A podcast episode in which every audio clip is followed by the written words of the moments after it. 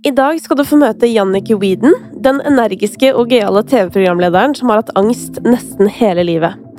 I tillegg har hun det siste året opplevd å miste en god venn, skilsmisse og å miste jobben. Hvordan påvirker angsten det å stå i livskriser? Og hvordan lever man et ålreit liv selv om angsten fortsetter å bli værende? Tusen takk til Ekstrastiftelsen og Rådet for psykisk helse som finansierer Noia. Her er kapittel 18 Vedvarende angst.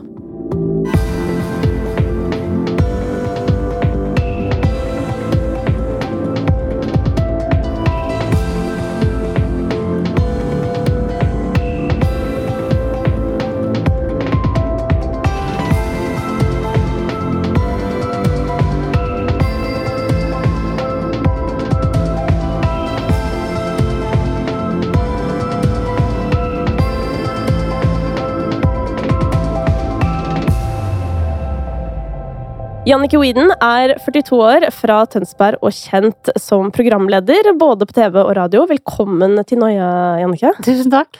Du, hvordan har du det med å være her? Eh, litt sånn heseblesende i pusten. Mm. Men eh, jeg tenker at eh, det er ikke noe bedre sted å være eller bli forstått enn akkurat her. Så let's go! Jeg er glad for at du sier det. Um, du har jo snakka litt om det at du har angst i offentligheten tidligere, men hvor lenge har den vært med deg, egentlig? Fra jeg var ni. Å ja, er det Eh, såpass tidlig? Ja, så eh, jeg var på en sekvens på God morgen Norge hvor eh, jeg ikke fikk noe valg, for du sitter på direktesendt TV og klarer nesten ikke å, å se hun som sitter foran deg lenger. Mm. så jeg tenkte bare ok, dette er eh, eh, min sjanse til å enten fremstå som om jeg er splitter pinegal ved å reise meg opp og gå, eller bare prøve å forklare vår hva som foregår med meg i det du kanskje også hører at jeg eh, puster litt høyt oppe i halsen, som er eh, hvordan eh, angsten min har utviklet seg de to, to typ siste årene, som Mm. har vært litt eh, mer utfordrende enn de foregående. For jeg har hatt det hele tiden. Mm. Dessverre, eller heldigvis, jeg vet ikke hva jeg skal si, fordi eh, livet etter God morgen Norge har vært enklere for meg i visse situasjoner, og vanskeligere i andre. Mm. Du, husker du Du sier du fikk, eh, fikk angst da du var ni år. Husker du liksom første gang du hadde et møte med måte noe som ligner på et panikkanfall? Og jeg husker selv at min følelse var at jeg er så ekkel inni meg. Altså for å kunne forklare, sikkert for voksne, da, jeg var jo bare ni år, så ble det til at ah, det føles som jeg skal kaste opp. Mm. Og det sa jeg til moren min hver eneste kveld. Så sa jeg mamma, jeg er så redd for å kaste opp. Ja, men du kasta ikke opp! Moren min er tysk og veldig grov. um, men jeg var allikevel veldig, veldig redd for å kaste opp.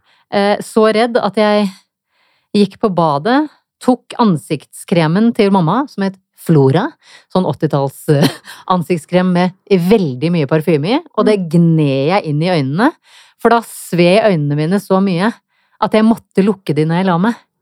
Så jeg hadde et sånt slags ritual. Jeg hadde lys på på rommet. Jeg sov med klær på, for da følte jeg at, jeg ikke, at det ikke var natt.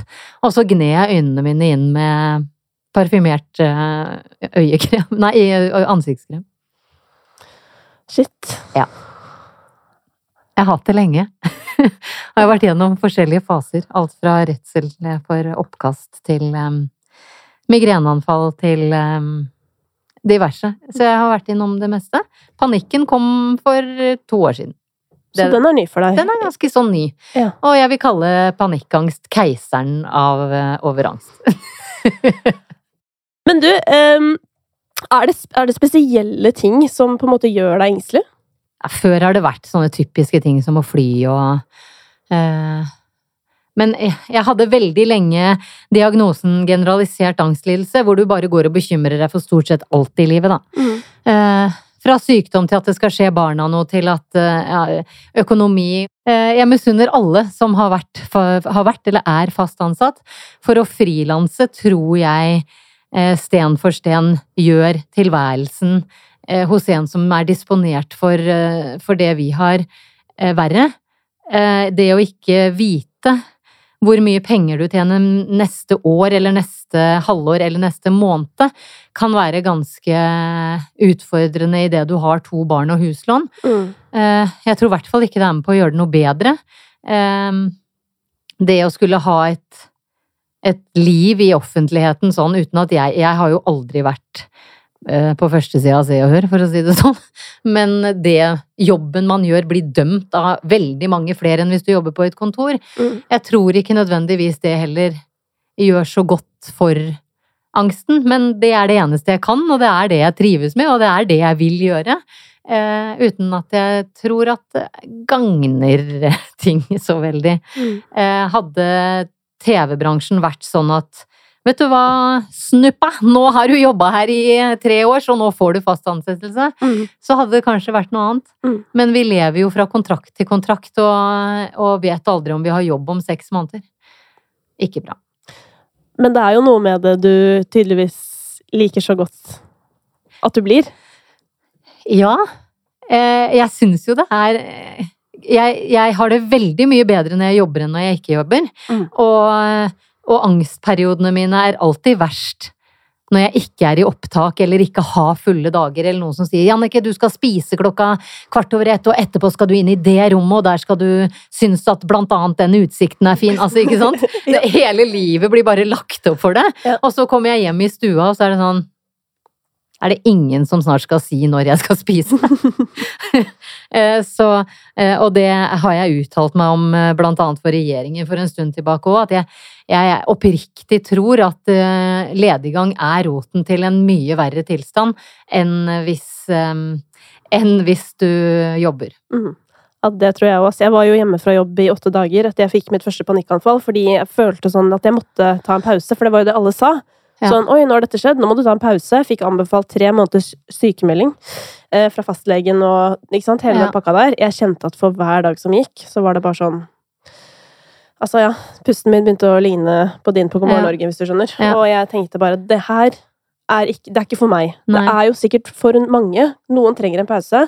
Det var ikke det jeg trengte. Pause er én ting, men en pause på mer enn de åtte dagene du tok, da tror jeg det begynner å Da begynner du plutselig å få tid til å tenke på alle situasjoner som kan gå galt. Mm. Istedenfor bare 'Å, shit, jeg må på jobb'. Mm. Eh, For jeg til og med nå, eh, når jeg har en rolig periode og holder foredrag liksom ja, tre foredrag der, og så har jeg plutselig elleve dager jeg ikke gjør noe. Eh, Det å skulle stå opp til å egentlig ikke gjøre noe særlig, Mm. det er ikke bra. Det er virkelig ikke bra. Etter da alle disse år med urolig stemning i kroppen, har du vært igjennom eh, mange forsøk på å prøve å få det vekk? Å, herregud. Altså, jeg vet ikke hvor jeg skal begynne. Eh, jeg ble tatt til homopat som barn allerede. Sånne sukkerpiller. Jeg har prøvd um... jeg, jeg, jeg har prøvd psykolog, psykiater, kognitiv terapi eh, eh, Krystallhealing. Jeg har prøvd healing fra en som hevdet han kunne fjerne alt fra kreft til eh, ja. Eh, Jeg har prøvd eh, sakralkran... Hva er det heter? det heter sakralkranieterapi, tror jeg det heter. Okay. Eh, han tok ikke på meg engang. Han mente bare at han kunne dra det ut av kroppen min.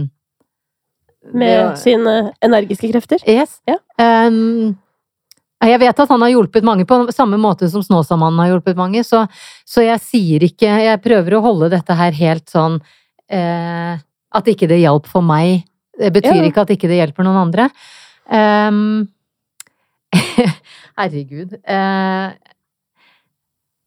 rosenterapi Mm. eh, og fysioterapi. Mm.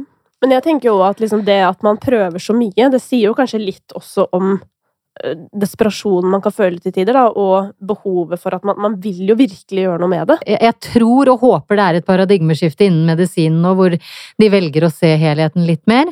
Eh, For jeg føler at bare de to-tre siste årene at jeg, at jeg får litt mer eh, forståelse fra fastlegen min, som har vært veldig sånn eh, Ja, men du er jo så sprek og tynn Altså litt, sånn Ja.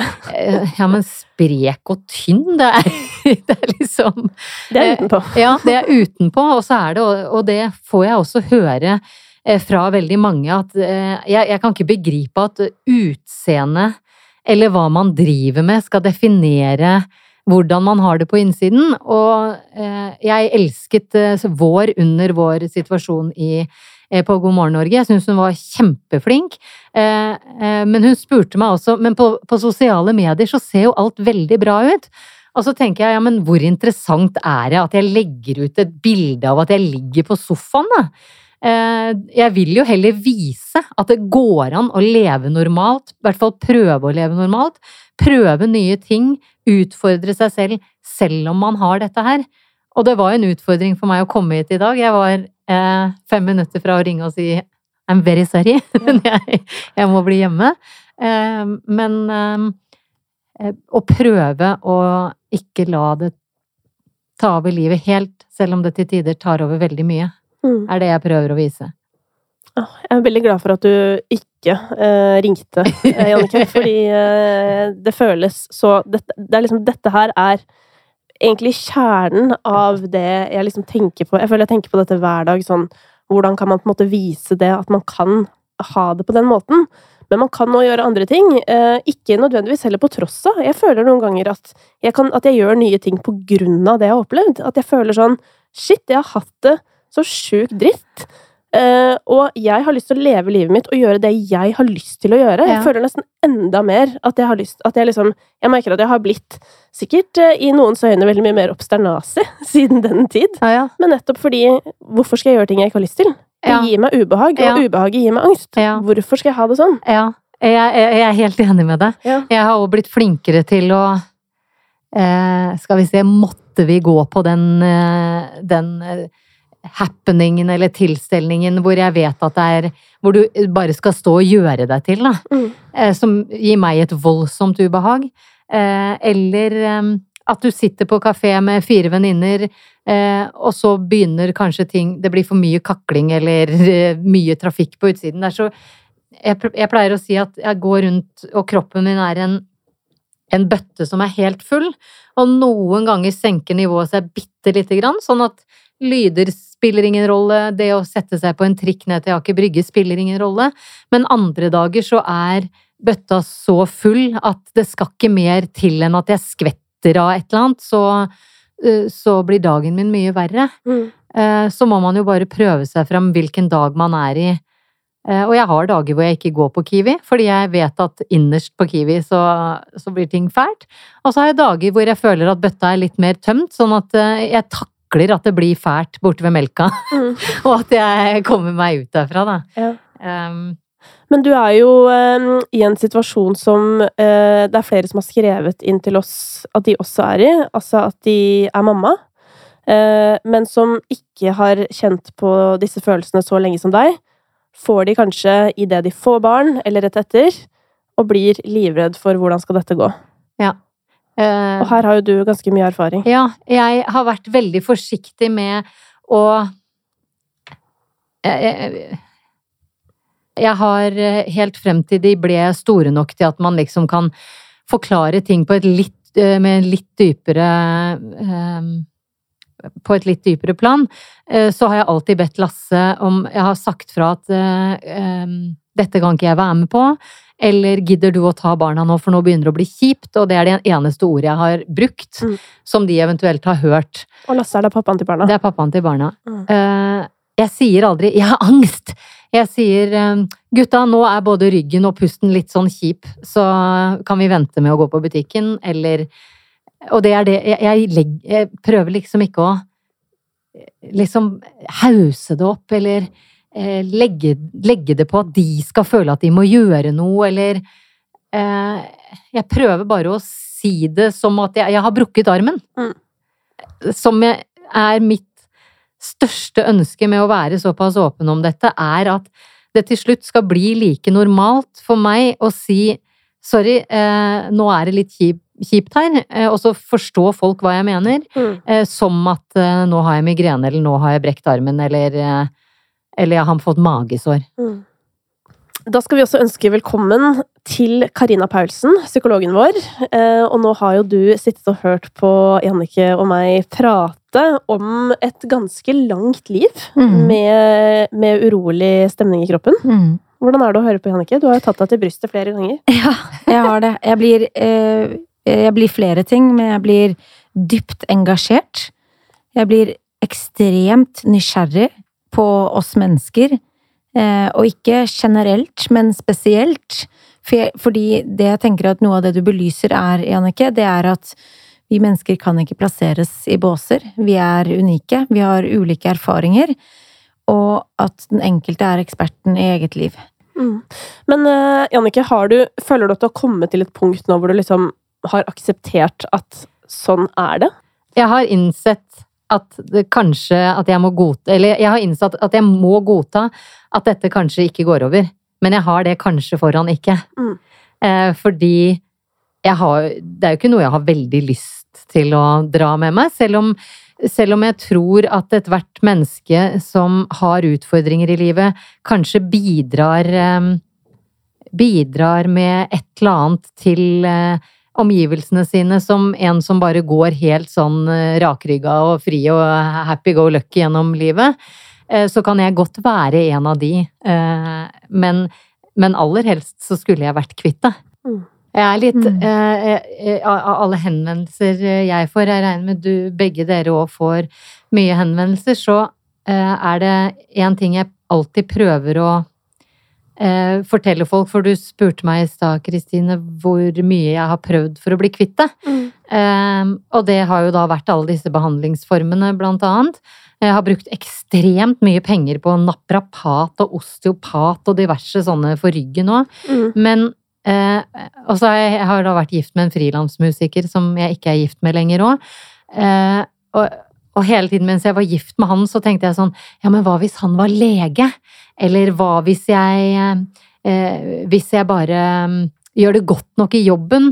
Eh, hva hvis jeg blir nominert til Gullrute, som er liksom det i, i TV-bransje? Mm. så tenker jeg bare at da vil ting roe seg. Eh, og for første gang i mitt liv så avlyste jeg et oppdrag som jeg skulle eh, gjort nå neste onsdag. Eh, fordi den forespørselen kom i januar. Og jeg tenkte ja, men det er jo september, altså da har jeg jo ikke dette mer, så selvfølgelig, da er jo jeg eh, Og så tenker man hele tiden at eh, ja, ja, men det kan man gjøre, og så nærmer det seg. Mm. Og så stokker det seg, og så Men hvilke erfaringer har du gjort deg rundt eh, det her med, med å tenke at hvis du bare vinner Gullruten, da, Ja. så blir alt mye bedre? eh, Hva er sannheten? For deg. Ja. Uten å Jeg ble nominert til Gullruten i 2017. Så det jo er rimelig rått. Ja. Ja, gratulerer. Tusen takk. Eh, jeg, hadde, jeg har sittet i juryen eh, for Gullruten før og nominert Norges beste mannlige programleder for noen år siden. Og da tenkte jeg at herlighet, det går jo ikke an å få den nominasjonen. For jeg satt med altså så mange mannlige programledere at jeg tenkte sånn shit, og det er jo en svær gruppe mennesker som skal bli enig. Mm. Så jeg hadde egentlig lagt fra meg den. Eh, eh, Men allikevel så lurte det litt bak i hodet at vet du hva, altså bare jeg får den nominasjonen, så er jo i hvert fall fremtiden, jobben min sikra i all fremtid. Mm. Da er jeg en av Norges fire beste kvinnelige programledere. Altså jeg, jeg hadde det som en sånn eh, Det som skjedde, var jo at jeg uten noen forvarsel eh, Tre uker etter Gullruten eh, ble Fikk beskjed om at jeg hadde ikke noe jobb.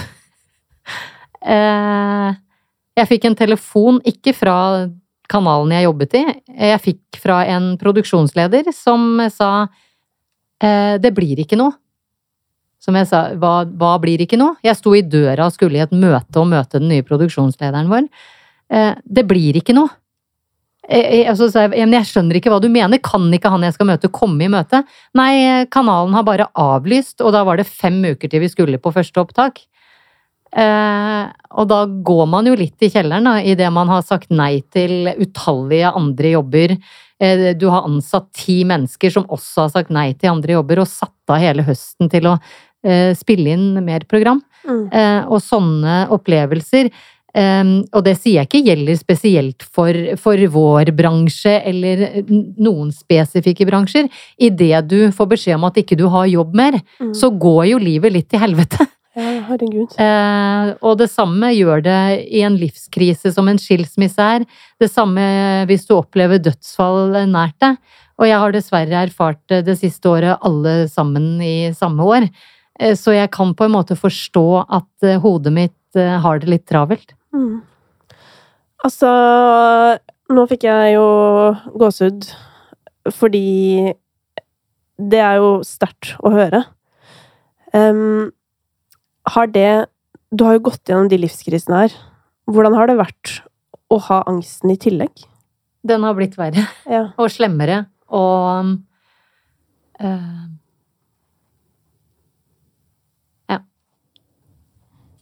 Karina, altså hva Her tenker jeg jo at uh, din ekspertise uh, må komme frem, holdt jeg på å si. Fordi dette her med å stå i krise, og så har du i tillegg din egen på en måte lille krise, kroniske krise, Mm. gående. Mm. Hva gjør man i møte med det, da? Det er veldig forskjellig hvordan, hvordan mennesker opplever det også. Men eh, veldig mange opplever jo nettopp den konkrete krisen, eller de konkrete livshendelsene, som nærmest lettere å forholde seg til. Fordi det er, det er en hendelse, eller noe man kan gripe i eller forholde seg til. Men det som foregår inni, som på innsiden, som, som, eh, som en angst eller en depresjon, som er vanskeligere å gripe om, det kan være jeg har ikke lyst til å kategorisere det som mer eller mindre smertefullt eller vanskelig heller, men det er noe med å, å ha noe å gripe etter. Litt i forlengelsen også av det du sa før, Jannicke, med å bare jeg blir nominert, bare jeg ikke sant? Det er noe å gripe etter, noe konkret. Og man kan forstå, både i møte med seg selv og andre, da, at det er vanskelig og belastende når det er noe forferdelig som skjer. Når livet inntreffer på en måte man ikke ønsker.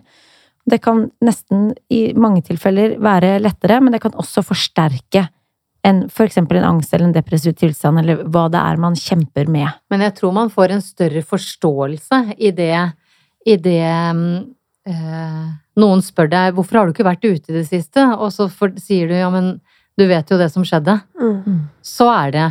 Men hvis ikke det har skjedd noe spesielt eh, Og det er der jeg også igjen syns det er så trist at man må legge ting utenfor seg selv. Mm. Eh, fordi det er eh, jeg, jeg tror at hvis jeg hadde kommet til deg i dag og bare sagt Nei, vet du hva, det siste året mitt har vært helt forferdelig. Jeg har gått gjennom en skilsmisse, jeg har mista jobben, og jeg har mistet en venninne. Eh, Så ville folk liksom tenkt seg, men det er jo ikke rart hun har det sånn. Men sannheten er jo at jeg hadde det sånn før alle disse krisene også. Mm. Og det er det eh, kanskje folk flest med disse tilstandene har. Mm. De, de, har. de har ingen forklaring på hvorfor de har det som de har det. Nei, men samtidig da, så tenker jeg jo at akkurat det der med å måtte stå i en krise, det er noe jeg tenker veldig mye på. Fordi noe av det jeg har vært mest redd for, og nesten blir stadig mer redd for, er å miste noen nær meg eh, og rundt meg. Og etter at jeg fikk panikkangst, så har jeg ikke fått no, Jeg har ikke hatt noen krise ennå, da. Og jeg er så redd for det. Og du har nå hatt tre kriser. Karina, som sitter her, har òg nettopp mista pappaen sin. Og så ser jeg liksom at dere er her. Eller skjønner du? Mm. Og da tenker jeg sånn, ok, kanskje jeg også kan ha angst og stå i en krise, da. Mm. Altså, jeg, når jeg hører at du er andpusten, Jannicke, så tenker jeg seff er du andpusten. Herregud, hvordan er du ikke andpusten? Altså, hvordan er du ikke Altså sånn Mm. At du liksom har kommet hit i dag, jeg kjenner at jeg får helt sånn altså, Jeg får så respekt, liksom. Jeg, jeg skjønner ikke at du står på to ben. Og du kan jo le av det. Altså, sånn, det er, og det er det som er så fint. Fordi vi som har angst, vi kommer også til å få kriser. Ja. Jeg måtte um, Jeg hadde en, eh, en hendelse um, da jeg var 36, eh, hvor jeg fikk beskjed om at jeg har så grove celleforandringer at um, jeg blir fra- fratatt muligheten til å få flere barn. Og da husker jeg jeg satt i bilen idet vi svingte inn til Ullevål for at jeg måtte gjennom den operasjonen hvor du da utfører en hys hysterektomi hvor de fjerner livmoren. Og så tenkte jeg, åssen i helvete skal jeg klare å gå inn den døra? Jeg er livredd for narkose. Jeg, eh, jeg har kanskje lyst på flere barn. Men så tenkte jeg, jeg gikk faen meg inn den døra. Mm. Eh, For det tror jeg er det tøffeste jeg har gjort. Ehm, Sånn på egen kropp, da. Det er også derfor jeg ikke tør å operere ryggen, men det er jo en annen eh, en side av saken. Men da tenkte, jeg, da tenkte jeg det er ingen som kan dytte meg over den gjennom den uh, dørterskelen. Jeg må bare gå inn der og si ja, nei, dere får legge meg i narkose og fjerne livmoren min, da. Eh, og det tror jeg er den største sånn aha-opplevelse jeg har hatt i forhold til det du etterspør nå. Hvordan man takler eh, noe veldig en, en krise, da. Eh, selv om vi har dette her, så eh, tror jeg nesten vi står bedre rusta Det kan hende vi rett og slett er bedre rusta fordi eh, nå har vi i hvert fall en krise.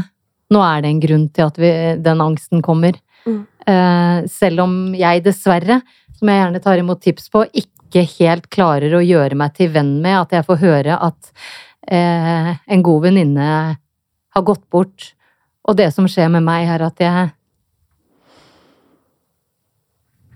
blir ligg...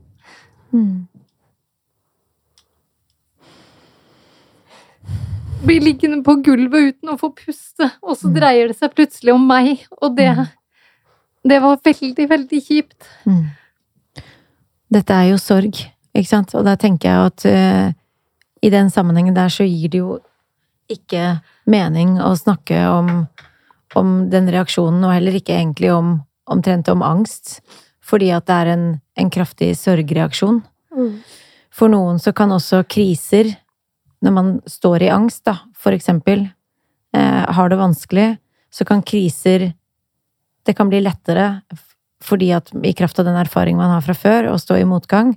Så jeg, jeg tenker at det er, det er viktig at alle erfaringer alle, Altså, vi, vi er ulike. Vi gjør oss ulike erfaringer, og det er lett for oss å prøve å sette oss inn i hvordan det er for en annen, men det vet vi ikke. Og vi kan bare være nysgjerrige til stede for å prøve så godt vi kan i møte med hverandre, og det samme i møte med oss selv, da.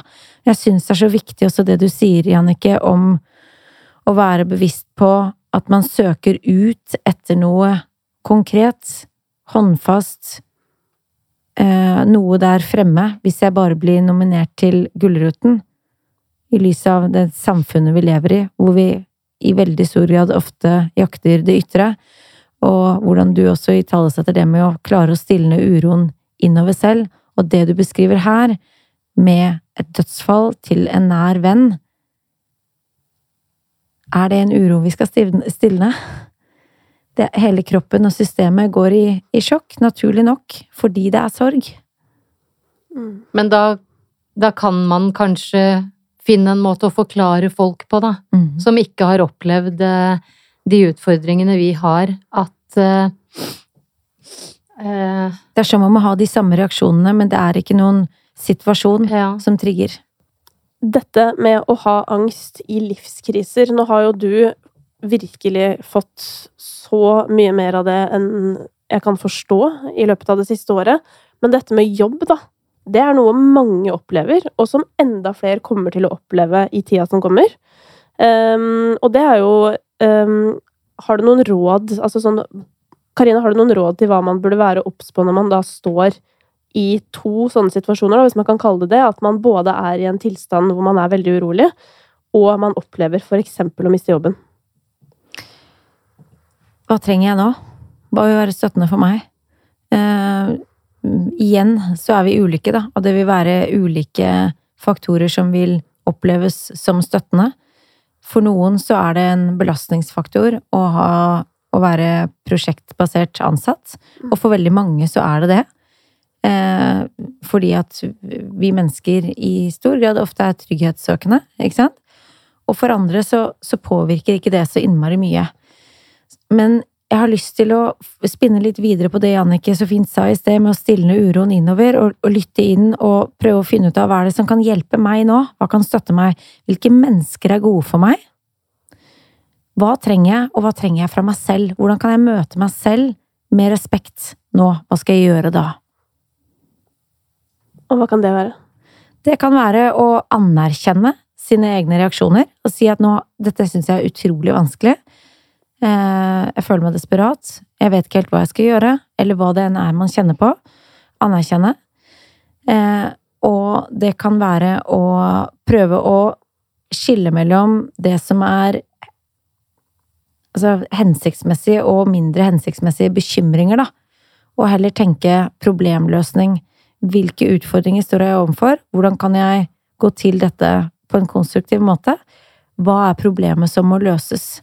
Og ta én ting av Jeg har et veldig tips jeg lærte en gang, som, eh, som er en av de tingene jeg bruker oftest. Fordi eh, blant annet før hvis jeg skulle ut og fly, da. Eh, eh, noe som er en liten ting i forhold til det, en sånn brutal ting som å miste jobb. Men eh, det var en mann som lærte meg å eh, utsette bekymringene. Mm. Så han ga meg spesifikke klokkeslett til når jeg skulle bruke tid på å tenke på akkurat det. Så når jeg skulle ut og fly, så sa han nå lover du meg at eh, fredager mellom eh, to og fire så skal du tenke på alt som kan gå gærent med den flyturen. Eh, hvis du begynner å tenke på det i andre situasjoner, så fortell deg selv at å nei, dette, det er ikke fredag klokka to, så bare vent til da. Og det har funka veldig godt for meg. Ja. Eh, og en annen ting, og, og også hvis man liksom skal gi litt sånn tips da, fra en som har holdt på med dette her i, i 35 år nesten, er eh, eh, sånne små eh, tankeleker som er Du trenger bare deg selv.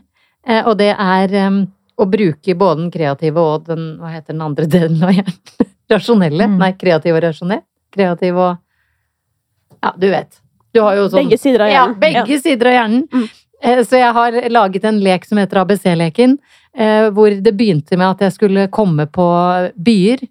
Først Amsterdam, Mm. Berlin, Chicago, ikke sant? Fordi du blir så opphengt i at du både må finne bokstaven og eh, Og så har jeg jo drøy, altså virkelig utvikla det til bilmerker, eh, amerikanske mannlige kjendiser.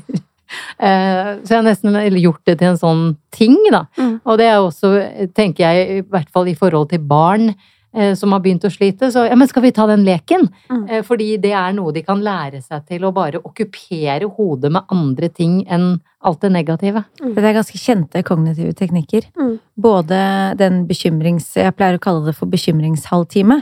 Du kan gå og bekymre deg hver dag, men kun 30 minutter. Eh, og, eh, og du har ikke lov til å spare opp bekymringer, for eksempel, fra dagen før. Så i går så hadde jeg det så fint, så i dag så tar jeg en time, for jeg har det ikke så bra i dag. Men kun 30 minutter kan du bekymre deg så mye du vil. Ellers så må du utsette, eller la de passere.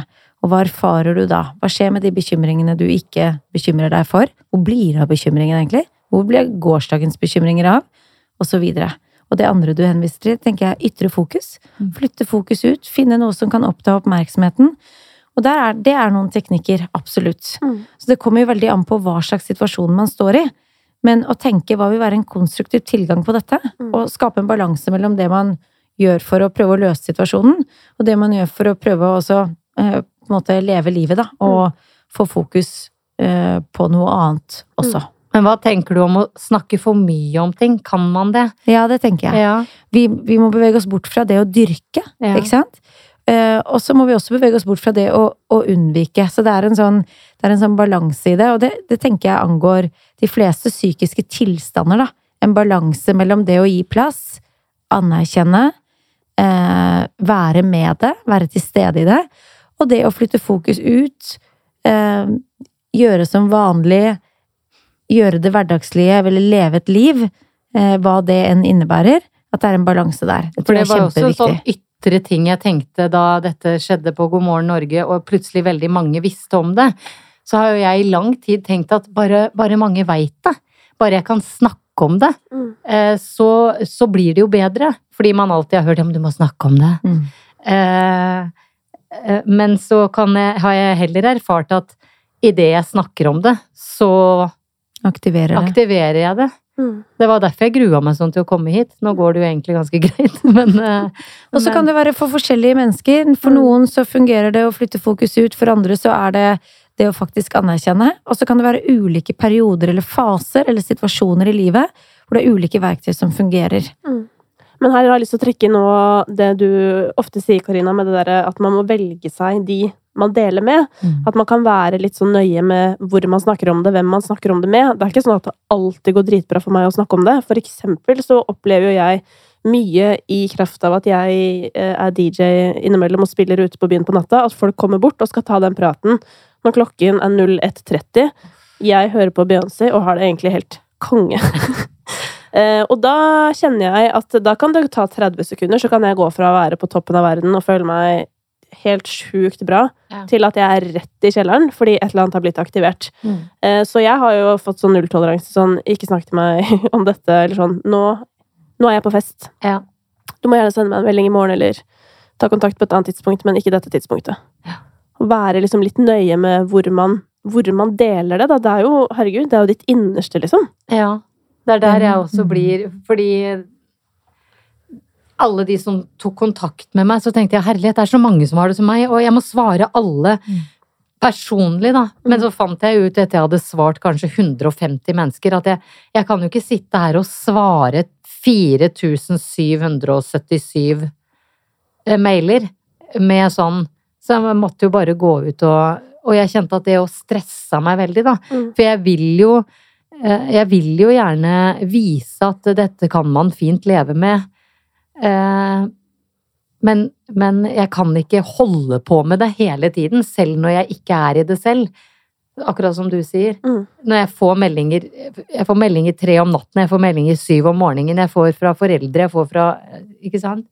Jeg Altså- tenker at det sier noe om, om behovet til folk, da, for å Mm. finne historier de kjenner seg igjen i. De Ja. ser deg, de tenker bare 'Å, herregud, det er noen som har det i nærheten av sånn som meg', og de Ja. vil så gjerne eh, få sagt det. Og veldig ofte opplever jeg jo at det er nettopp det. At mange bare har lyst til å si takk Ja. for at du viste det, takk for at du sto i det.